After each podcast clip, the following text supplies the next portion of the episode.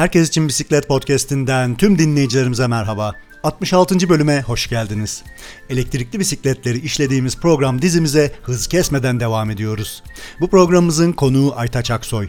E-Bisiklet 101 ve 102 programlarında kit bisiklet çözümlerini ele almıştık. Bu bölümde ise Aytaç'la fabrikasyon çözümler hakkında konuşacağız. Aytaç bize değerli bilgiler aktaracak. Ayrıca kendisine patlak teker fanzin hakkında gelişmeleri soracağız. Sürekli bisiklet konuşanların podcast'i Herkes için Bisiklet başlıyor.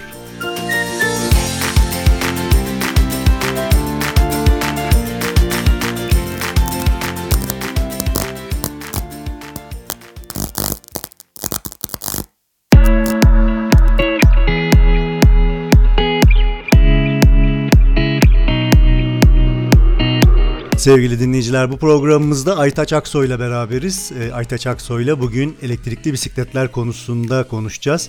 Kendisinin bir elektrikli bisiklet çözümü var ve deneyimlerini aktaracak bize. Aytaç Aksoy'u nereden tanıyoruz? Aslında hem e, sosyal medyadan e, takip eden e, bisiklet severler tanıyacaktır. Hem de geçmiş bölümlerimizde 2021 yılında kendisiyle patlak teker fanzin hakkında konuşmuştuk. O bölümü dinlememiş olan dinleyicilerimiz varsa geçmiş bölümlerde web sayfamızdan veya birçok podcast mecrasından patlak tekeri e, dinleyebilir e, bu program sonrasında. Patlak teker bizim için önemli bölümlerden bir tanesi.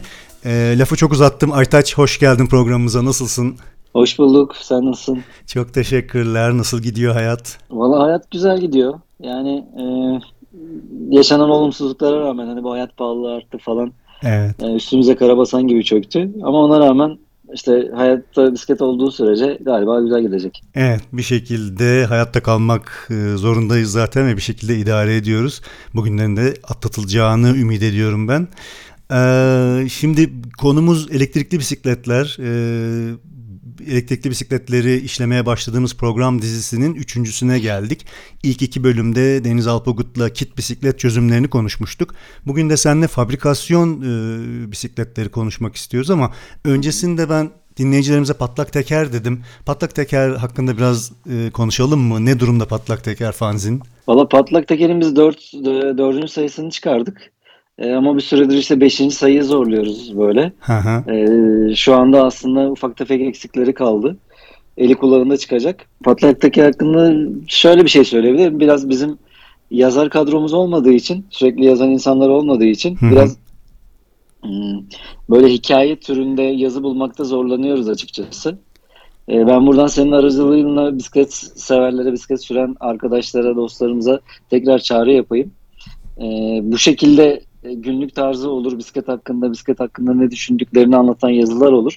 Onları bize iletirlerse sevinirim. E, onlar sayesinde çünkü patlak teker çıkıyor. Evet sevgili dinleyiciler Aytaç'ın dediği gibi Patlak Teker fanzini okumamış olan dinleyicilerimize kesinlikle öneririm. Patlak Teker'e göz atmanız gerekiyor önceki sayılarına ve bundan sonraki yayın, yayınlanacak sayılarla ilgili de eğer elinizde yazdığınız yazılarınız varsa tur deneyimleriniz olur ya da e, bisikletle ilgili yazılarınız olur. E, Patlak Teker'de bunların yayınlanmasını sağlayabilirsiniz. Aytaç nasıl ulaşsınlar Patlak Teker fanzinin bir adresini veya senin bir iletişim adresini verebilir misin? Hmm, şöyle Twitter'dan e, direkt Patlak Teker yazarak bulabilirler. Oraya mesaj atarlarsa e, zaten onun hesabına da ben bakıyorum. Oradan iletişime geçebiliriz. Çok güzel. Peki e, o zaman hadi gel elektrikli bisikletleri konuşmaya başlayalım. E, sen de bir fabrikasyon üretim bir gravel bisiklet vardı hatırladığım kadarıyla. Evet, evet abi. Ee, ne kadar süredir kullanıyorsun bunu? Ben bunu iki buçuk senedir kullanıyorum. Hı hı. Ee, genelde işe gidip geliyorum. Hı hı. Ee, ama hafta sonu uzun turlarımı işte 80 ve üzeri kilometrelik turlarımı da bu bisikletle yapıyorum artık. Hı hı. Gayet memnunum yani elektrikli bisikletten. Aslında elektrikli bisiklet dememek gerekiyor. Elektrik destekli bisiklet demek gerekiyor. Hı hı. Ee, çünkü elektrikli bisiklet deyince bir de insanların aklına bu scooter tarzı olan bisikletler geliyor. Hı hı. Ama onlarda şöyle bir fark var. Onlarda aynı motor sisteminde olduğu gibi gaz kolu var. Hmm. Gaz kolu çevirerek işte ilerleyebiliyorsun. Ama bizimkinde yine pedal çevirmen gerekiyor. O yüzden elektrikli destekli bisiklet deniyor bunlara. Peki iki buçuk sene önce aldığını söyledin. İki buçuk sene önce zannedersem ilk jenerasyonları mıydı elektrikli bisikletlerin? Evet aslında öyleydi. Yani böyle hmm, bir pandemi dönemi yaşadık yani. O dönemden önce vardı bisikletler ama çok çeşit yoktu böyle. Hı hı. Ee, bir de insanların akıllarında yoktu işte. Yani elektrik destekli bisiklet deyince o ne abi falan diyorlardı böyle. Hmm. E, ama benden önce kullananlar vardı. Ben hatta ilk deneyimimi e, benden önce kullanan arkadaştan almıştım ben. Ya ver şunu bir deneyelim bakalım nasıl bir şeymiş diye başladım ben. Hı hı. İlk orada tan- tanıdım. Peki neden elektrik destekli bir bisiklet tercih ettin? Ya benim şimdi şöyle oldu. E, beni tanıyanlar bilir uzun zamandır ben e, diz problemi yaşıyorum. Dizimde kıkırdak zedelenmesi oldu. Ve bundan önce ben yol bisikleti kullanıyordum. İşte gayet böyle antrenmanlar yapıyordum. Hafta sonu uzun turlar yapıyordum. Hı. Bir an geldi artık dizimi çevire, çevirememeye başladım.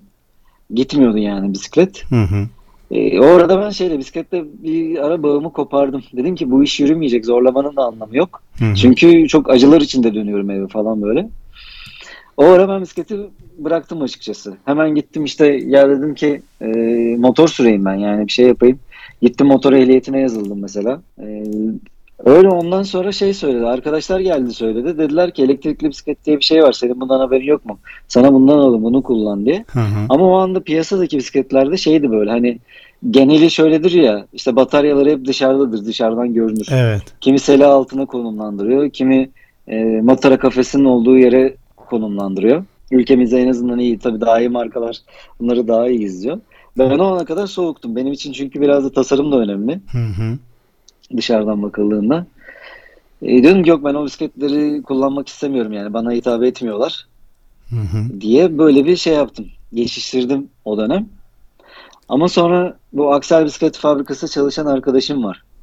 O direkt bana bu şu anda kullandığım e, Gravel'dan bahsetti. Abi de tam senin işte e, tasarım anlayışına uyan bu bisiklet var. Yeni çıkacak dedi hatta böyle. Hı hı. Sınırsız sayıda bir üretimi olmuş o tarihte. Ondan sonra fabrika yeni üretime geçecekti. Bana gösterdi. Ben dedim ki tamam aradığım şey bu. Hı hı. Hani tasarım olarak bu bisiklet bana uygundur. Ama yine de şey vardı aklımda böyle. Ya elektrik destekli bisiklet nasıl ki? Ben çünkü o tarih zamana kadar hiç bilmemiştim. Hı hı. Sonra onlara ben misafir oldum bir hafta sonu. Ee, şeyde deneme fırsatım oldu. Abi baktım. Yani özellikle yokuş yukarı yokuş yukarı denemelerim oldu. Hı hı. Ya inanılmaz. İnanılmaz keyif aldım ben o bisikletten. Dedim tamam. Yani ben bunun piyasaya çıkmasını bekleyeceğim. Bisikleti falan da bırakmıyorum. Motor ehliyetine hatta birkaç kursa gittim. Sonra baktım benlik değilmiş. Bıraktım mesela. Devam etmedim. Öyle başladım. Hı hı. E, fabrikasyon tercihini bu şekilde yaptığını söylüyorsun. E, peki şeyi soracağım. Fabrikasyon bu modellerde pili veya motoru yükseltebiliyor musun? Daha büyük pile geçmek, daha güçlü bir motora geçmek yoksa aldığın gibi mi kullanmak durumundasın? Şimdi bataryası değişebilir bence. Ama hani yani Türkiye'de var mı bilmiyorum. Mesela hiç araştırmadığım bir konu açıkçası. Hı hı. Ee, motor konusunda da sanırım şey kadro yapısına uygun olması gerekiyor ki Hmm. yani aynı ölçülerde olması gerekiyor ki değiştirebilesin. E, Yani senin şu Hmm. şu ana kadar böyle bir ihtiyaç senin için Yok hiç hiç olmadı. Hiç olmadı. hiç olmadı ve iki buçuk yıldır da çok e, performanslı bir şekilde kullanabiliyorsun, kullanıyorsun. Tabii yani benim kullandığım Shimano'nun e, bildiğim kadarıyla en güçlü motoru. Hı hı. Bu gravel bisiklet olduğu için dağ bisikletlerinde de aynısını kullanıyor. Bu Kifukalar falan var mesela Carraro. Hı hı. Onda da aynı motorları kullanıyor. Aynı bataryayı kullanıyor bildiğim kadarıyla. Hı hı. Yani o yüzden zaten Shimano'nun en, en, en üst seviyesini kullanıyorum ben. Hı hı. Ee, şehir bisikletlerinde biraz daha böyle şey e, motor gücü düşük, daha sessiz olanlar kullanılıyor mesela. Hı. O yüzden ben hiç değiştirme ihtiyacı hissetmedim ki zaten uzun tur da yaptım. İşte böyle çantalı, heybeli turlar da yaptım. Hı hı. Hmm, Çok sert yokuşlar da çıktım. Böyle 15-16'lık eğim, %16, 15-16 eğimlerde de tırmandım. Hı hı. Ya bisikletin hiç böyle hani ya ben bunu neden aldım ki? Bu da ne? İşte bunun gücü yetersiz dediğim bir an olmadı gerçekten. Hmm. E, Carraro e-Gravel e, fabrikasyon üretim bir bisikletin var e, ve pedal destekli dedin. El gazı yok değil mi bu modelde? Yok el gazı yok. Yani bu kit bisikletlerdeki gibi el gazları mevcut değil e, aslında fabrikasyonlarda. E, peki bu pedal desteği kaç kademe güç üretebiliyor? Yani modları ne e, üstündeki? Hmm, şöyle söyleyeyim 3 modu var. Eco mod dediğimiz mod e, böyle günlük işte düz yolda e, giderken kullandığım daha çok. Hı hı. Ve mesela Eco modu ben şeyde de kullanıyorum. Yani gücün yetiyorsa e, mesela uzun hafta sonu için bir tur planlamışsındır 100 kilometre, 150 kilometre. Yokuşlara da gelsem bile işte böyle yüzde dokuzluk onluk eğimlere gelsem bile mesela o turu e, tek şarjla bitirmek istediğin için Eco moddan ben çıkmıyorum mesela. Hmm. E, böyle bir kullanım seçeneği var. İkinci trail seçeneği var. Trail'de biraz daha böyle işte eğimin %4 %5 olduğu yerlerde kullanmayı öneriyor. Fabrika Hı-hı. çıkışı böyle. Hı-hı. E, bir de boost modu var. Boost modu da işte %5'ten yukarı böyle 9 10 ve sonrası için eğimlerde kullanılan bir mod. O modu açtığın zaman yani boost moduna getirdiğin zaman bisiklet zaten e, bir anda şey böyle. Hani çizgi filmlere de olur ya arkadan böyle jet şeyi çıkar. alevler çıkar falan. evet. Bisikletini hakikaten öyle götürüyor. Üç tane moddan oluşuyor. Bir de şey var, e, yürüyüş modu var. Hmm. Ama onu zaten üretici de çok kullanmıyor. Yürü, yürüme modu da şey, hani böyle yoruldun, bisikleti eline aldın. Hmm. Bunun bataryası ve motoru olduğu, olduğu için ağır bir bisiklet. Hmm. Emsallerine göre. Ee, onun için şey koymuşlar. Böyle o moda getirince, walk modu, yürüyüş moduna getirdiğin zaman bisiklet böyle çok düşük hızda yürüme hızında sana destek veriyor. Hmm, sana o e- ağırlığı hissettirmiyor. Anladım. Eşlik ediyor yanında. Evet sana eşlik ediyor. Anladım anladım. Bu pedal desteği konusunda bu arada konusu açılmışken e, müsaadenle bir düzeltme yapmak istiyorum. E, bu birinci ve ikinci programımızda Deniz Alpagut'la kaydettiğimiz programda e, kadans ve güç arttırımı ve pedal desteği konusunda bir yanlış söylem olmuş. E, bunu e, sosyal medyadan Spider-Verse rumuzlu bir dinleyicimiz e, hı hı. fark etmiş ve bir düzeltme yapmamız gerektiğini bildirmiş. E, onun cümlelerinden aslında aktarmak istiyorum. Şöyle diyor aslında Spider-Verse rumuzlu dinleyicimiz. E-Bisiklet 101 programında verilen teknik bir bilgi hakkında yanlışı düzeltmek istiyorum diyor. Tarif edilen hub motorlu kitler kadans arttıkça güç arttırmamaktadırlar. Onlar her destek kademesinde maksimum belirli bir hıza kadar destek verirler diyor. O hıza evet. e, siz pedal çevirerek ulaşıyorsanız motor desteği keser diyor e, veya evet. bunun altına düşüyorsanız desteklemeye başlar diyor. Bu küçük bir detay ama.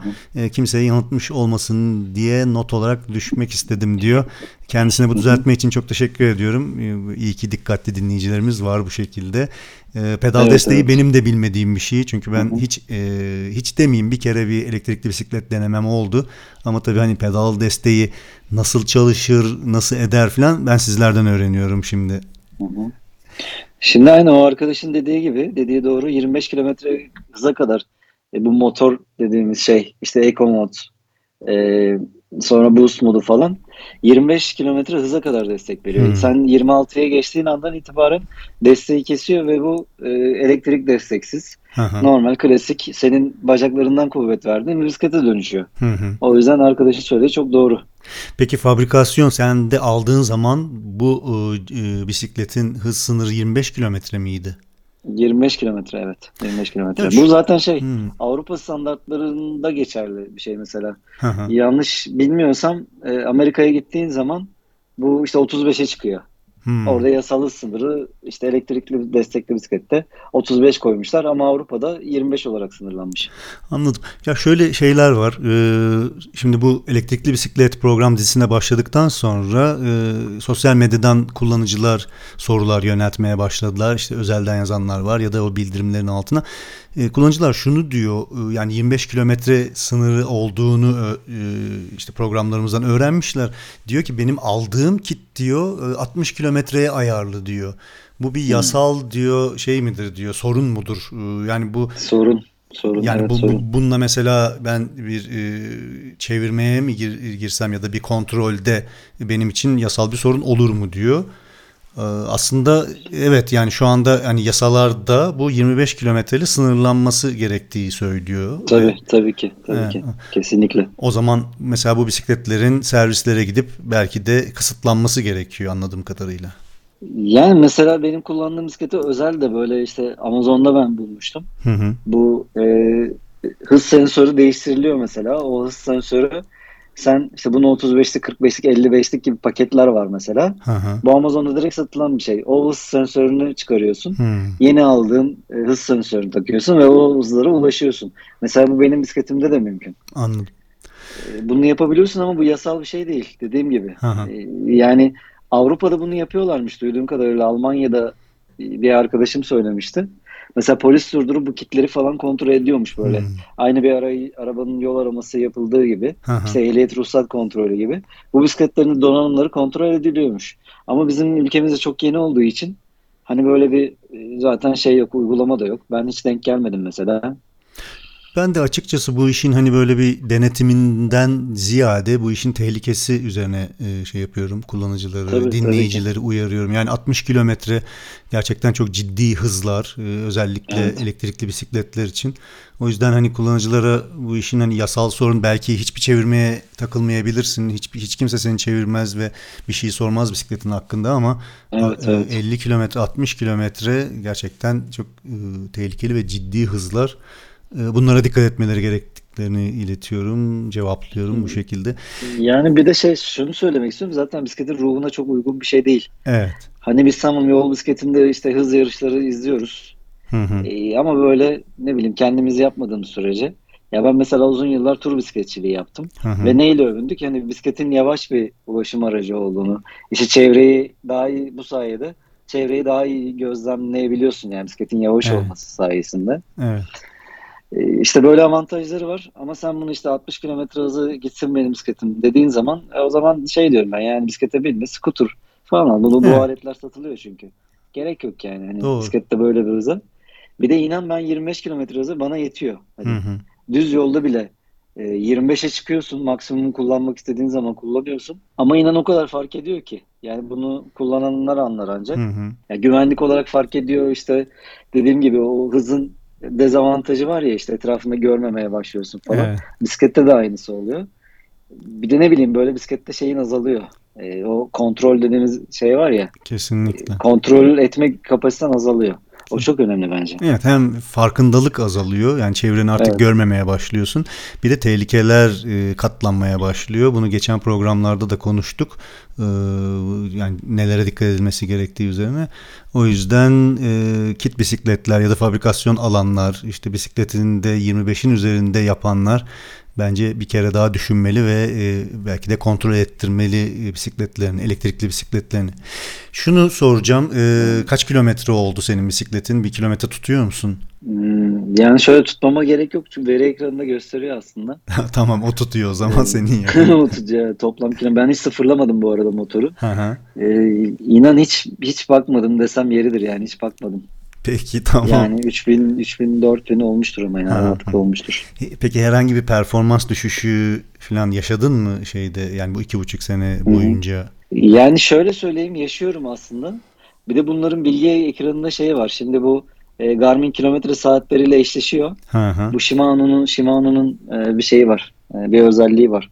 O, o ekran e, çeviriyor seni hı hı. ve sana diyor ki işte o ekrana geçtiğin zaman Eco modda bisikletin kaç kilometre gideceğini gösteriyor. Hmm. Ben mesela şöyle bir deneme, deneme yaptım. Önce şey diyordu işte Eco moda aldın açtım bisikleti %100 gösteriyordu. Mesela gidebileceğim mesafeyi gösteriyor. Aha. Ama şimdi o oran şeye düştü. %88'e düştü. Hmm. Peki düzenli bakım yaptırıyor musun? Düzenli bakım tabii ki yaptırıyorum. Öncelikle şöyle evde ben e, kendi yapabildiğim bakımlar var. Onları yapıyorum. E, işte zincir temizliğidir.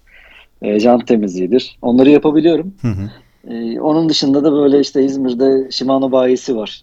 Ayda bir ya da ne bileyim bir buçuk ayda bir. Ee, oraya götürüp şey yaptırıyorum abi bir bakar mısınız işte. Bir de şey var bunun güncellemeleri var tabii onları yaptırıyorum. Ha, yazılım güncellemeleri değil mi? Tabii yazılım güncellerim. İşte vites kolunun, fren kolunun, hmm. açma kapama tuşunun, hmm. e, nasıl söyleyeyim bataryasının, şarjın girdiği yerin hepsini ayrı ayrı şeyleri var. Gün, tek tek güncelliyorlar onları. Hmm, anladım. Peki hiç yolda kaldın mı? Hiç üzdü mü seni elektrikli bisiklet? Ya yolda hiç kalmadım. E, çünkü ona dikkat etmek zorundasın. Eskiden şöyle bir şey vardı hani yorgunluğunu insan fiziksel kapasitesini kontrol ediyordun. Hı hı. E, diyorsun ya ben bu bir tane daha yokuş var önünde. Ya ben bu yokuşu çıkarsam acaba biter miyim falan diye. Hı hı. Şimdi bisiklete bakıyorsun direkt. önündeki ekrana bakıyorsun. Güzel. Tek tık kalmış mesela. Hı hı. Ya acaba çıkacağım da hani eve dönebilir miyim ne yapacağım gibi. Çözmen Öyle gibi. bir şeye dönüştü. Bunlar benim çok sevmediğim şeyler. e, açıkçası. Ona dönüştü şimdi ama hiç yolda kalmadım. Çünkü onu planlayarak yapıyorsun ne yapıyorsan. O yüzden ben yani, sıkıntı yaşamadım. Aslında sana göre olmadığını çok farkındayım çünkü sen uzun tur bisikletçisin ve işte Yunanistan, Hindistan, Nepal gibi uzun evet, uzun evet. turların var yani bunlardan dinleyicilerimize evet. bahsedelim istiyorsan. Hani e, Aytaç Aksoy e, sevgili dinleyiciler e, uzun turlara çıkmış ve e, çok uzun zaman e, bisikletiyle e, birçok ülkeyi gezmiş bir bisiklet sever. Ee, şunu sorayım aslında hem sen turlarından bahset hem de e, e-bisiklet sence turlara uygun bir alet midir? Turlara uygun bence. Hmm, ama şöyle bir şey var. Şarj aletini sürekli yanında taşımalısın. Hmm. sürekli hesap yaparak bir yerlerde şarjını yaparsan evet. çıkılabilir evet. diyorsun. Aynen. Ya yapılır. Bunu yapan insanlar da var. Örnekleri de var bunların. Çok rahat yapılır. Hı Benim gibi fiziksel bir şeyi varsa, zorluğu varsa insanların. Hı hı. Çok rahat da yapılır. Çok keyifle yapılır. E, ama benim sevmediğim en büyük nokta bisiklette onu da söyleyeyim istersen. Hı hı. E, motorlu olmasından dolayı böyle e, bana göre çok ses yapıyor bisiklet. Mesela sen sessiz bir köy yolunda gidiyorsun. Doğanın içinde, ormanın içinde gidiyorsun. Tabii sen istersen bunu kapatabilirsin bu arada. Hı hı. Sürekli açmak zorunda değilsin. Çok kolay işte e, vites kolundan kapanıyor falan böyle. Çok kolay onları kontrol etmek yol sırasında. Hı hı. Ama böyle ihtiyaç duyuyorsan işte atıyorum rüzgar karşıdan esiyor ve seni zorluyor ve benim gibi diz ağrın varsa gidemiyorsan onsuz hı hı. çok ses yapıyor böyle. Yani sen işte e, rüzgarın sesini dinlemek istiyorsun, ağaçların sesini dinlemek istiyorsun, kuşların sesini dinlemek istiyorsun. Ama altında motor böyle sürekli diye böyle bir şey var. Çok gıcık bir ses var. Onu ben sevmiyorum açıkçası. Derinden derinden seni rahatsız eden. evet. Bir motor ya bir de şey var mesela iki kişi gittin yanında arkadaşın var eşin var onunla sohbet ediyorsun falan. Hı hı. Böyle sürekli alttan alttan bir ses geliyor. Sen güzel güzel sohbet ediyorsun. Ama sürekli alttan alttan o ses şey e, sevmediğim yönlerinden bir tanesi mesela. Evet, evet. Yani e, normal bisiklette evet pedal basarsın, en fazla hub'ın sesini duyarsın, cır cır cır evet. eder gibi evet, ya o da... Çok güzeldir mesela. Evet, Hiç rahatsız etmez. Evet, evet, evet. Yeni bir e-bisiklette gözün var mı? Şunu alsam da bunu alsam dediğin. Hmm, yeni e-bisiklette valla her zaman gözüm var. Çünkü teknoloji yerinde durmayan bir şey biliyorsun. Hı hı. Ee, ben araştırıyorum da bir yandan. Mesela boş olsun, Fauz olsun bu modellerin sessiz olduklarını okuyorum ben. Hmm. hmm videolarını izliyorum. Hmm. Bir de şey böyle e, bu e-gravel ya biraz daha böyle şehir bisikleti tarzına dönesim var açıkçası. Hmm. Çok güzel modeller var. Ülkeye de bunlar gelmeye başladı geçen seneden beri. Hmm. Yani o anlamda şey isteğim var ama bu döviz kurlarından dolayı fiyatları Kesinlikle. biliyorsun. Evet, evet yani. Artık birçok insan için şey ulaşılmaz boyutta. Evet kesinlikle yani şu anda sadece internetten bakmak, uzaktan sevmek, fotoğraflarını birbirine paylaşmak, videolarını izlemek falan şeklinde ilerliyor hayat. Yapacak bir şey yok. Ben de iki gün önce bir Orbea'nın bir modelini gördüm. Ee, çok hoşuma gitti gerçekten. Hani elektrikli bisiklet ama kadronun içerisinde nereye motor koymuşlar, pil nerede falan hiçbir şey belli olmuyor. Ama e, ben hala direniyorum. E, anlamaya çalışıyorum. Hani sizlerle konuşarak anlamaya çalışıyorum. İşte sosyal medyadan kullanıcılara bakıyorum. Ne yapıyorlar, ne ediyorlar. İşte e, önümüzdeki programlarda da bisiklet işini yapan mağazalara gideceğim ve şey yapacağım umarım. Bir takım kayıtlar yapacağız, programlar yapacağız. Oralarda da arayacağım, cevaplar arayacağım. Ama hala da ikna olamadım ee, ama dinledikçe de güzel gelmeye başladı öyle söyleyeyim. Ya ben şöyle söyleyeyim zamanımız var mı yok mu bilmiyorum ama şu konuya hiç değinmedik. Ee, şehir yaşamında e, e-bisikletin yeri nedir? Buna hiç değinmedik mesela. Ben şimdi bu bisikletle ben işe gidip gidiyorum geliyorum dedim ya. E, her sabah her akşam işte gece gündüz mesaim oluyor bazen neyse sürekli bisikletle gidip geliyorum. E, işte çarşıda bir işim oluyor eve alışveriş yapmam gerekiyor e, onları mesela çok hızlı bir şekilde ve yorulmadan yapabiliyorum. Hı hı. Böyle bir avantajı var e, elektrik destekli bisikletlerin. Bunu da söylemek gerekiyor. Mesela işe gidiyorsun ya hani insan ne istiyor? E, ya zaten 8 saat çalışacağım, yorulacağım işte. Yolu da en azından hani %50 yorulayım. %50 terleyeyim, daha az terleyeyim falan evet. istiyorsun ya böyle. İşte bu bisiklet onu sana tam olarak sağlıyor aslında. Hı hı. O açıdan çok avantajlı ve de işte gittiğin yolda trafik varsa e, otomobillerle falan daha böyle daha iyi e, baş edebiliyorsun. Çünkü mesela kırmızı ışıkta durdun, e, sıkıştın bir anda. Hemen ben şey alıyorum, en yüksek gücü alıyorum, boost modunu alıyorum mesela. Hı hı. O araçlardan önce beni uçuruyor bisiklet. Bir böyle boşluk yaratıp otomobiller de aramda benim daha güvenli gitmemi sağlıyor. Kesinlikle yani şehir içi ulaşımda özellikle işe gitmek için e, çok uygun bir e, çözüm. Çünkü dediğin gibi yani sabah kalktın işte ne bileyim e, bu duşunu yaptın, üstünü başını giydin, tertemizsin ve işe gideceksin.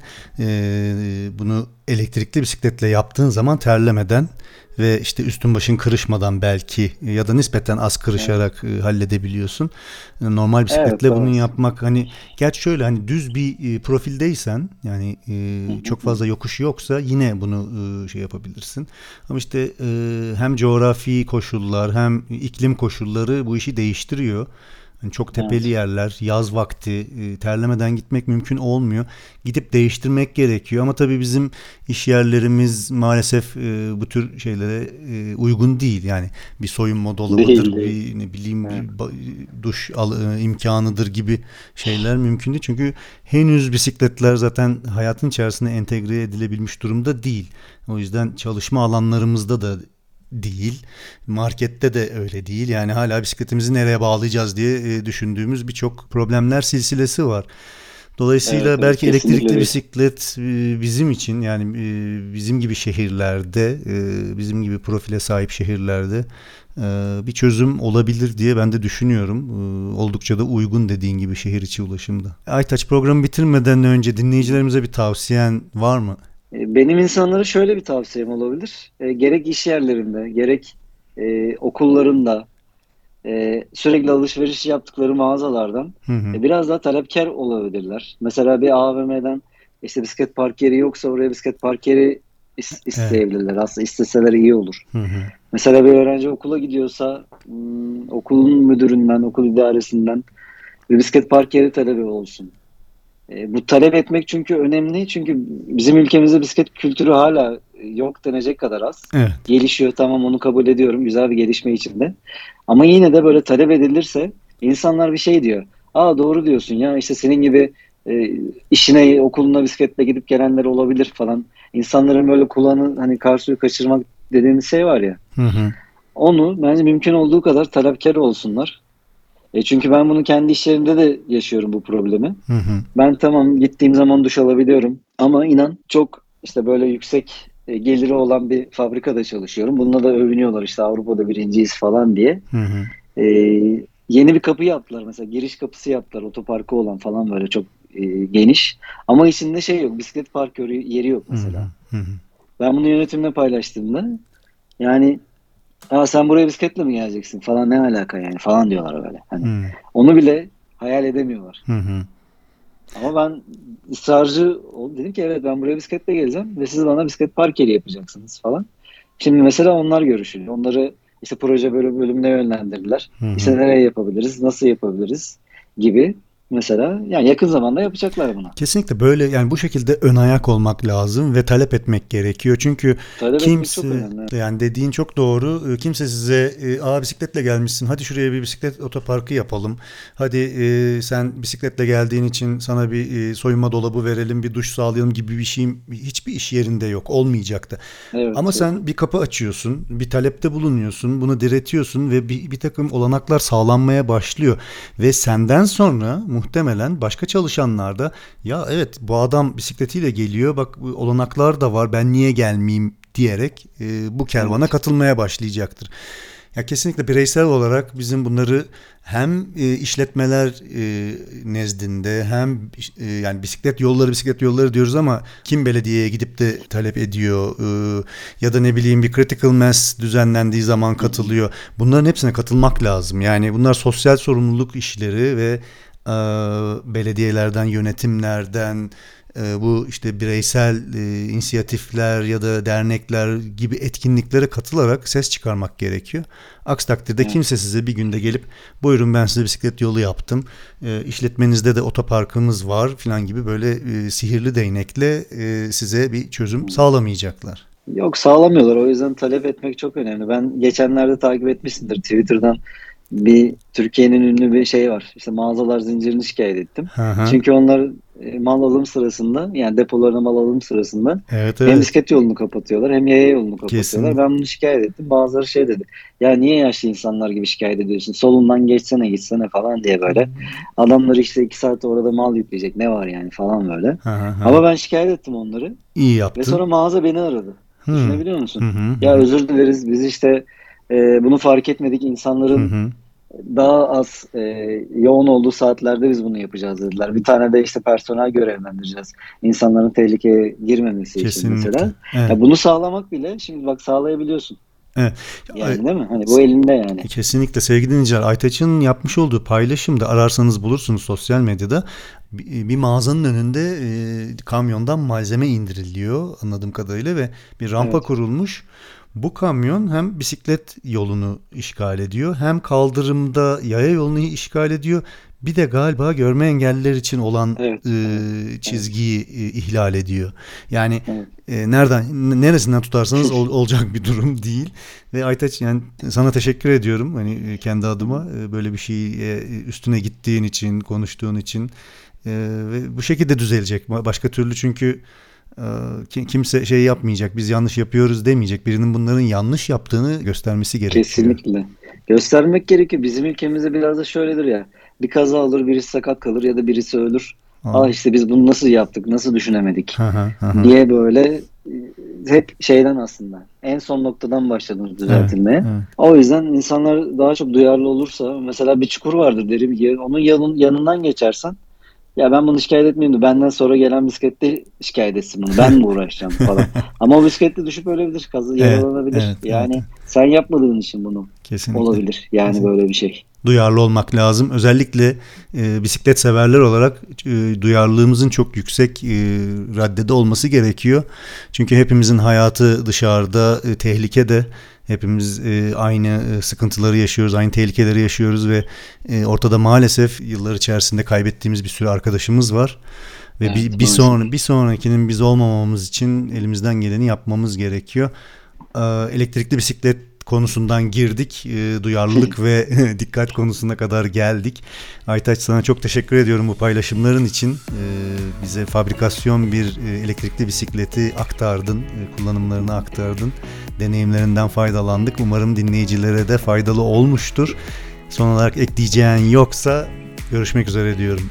E, Ben de görüşmek üzere diyorum. E, Herkes bisikletle kalsın. Kendilerine çok dikkat etsinler. Mutlu olsunlar. Çok teşekkürler. Kendine iyi bak. Teşekkür ederim. Sen de iyi bak.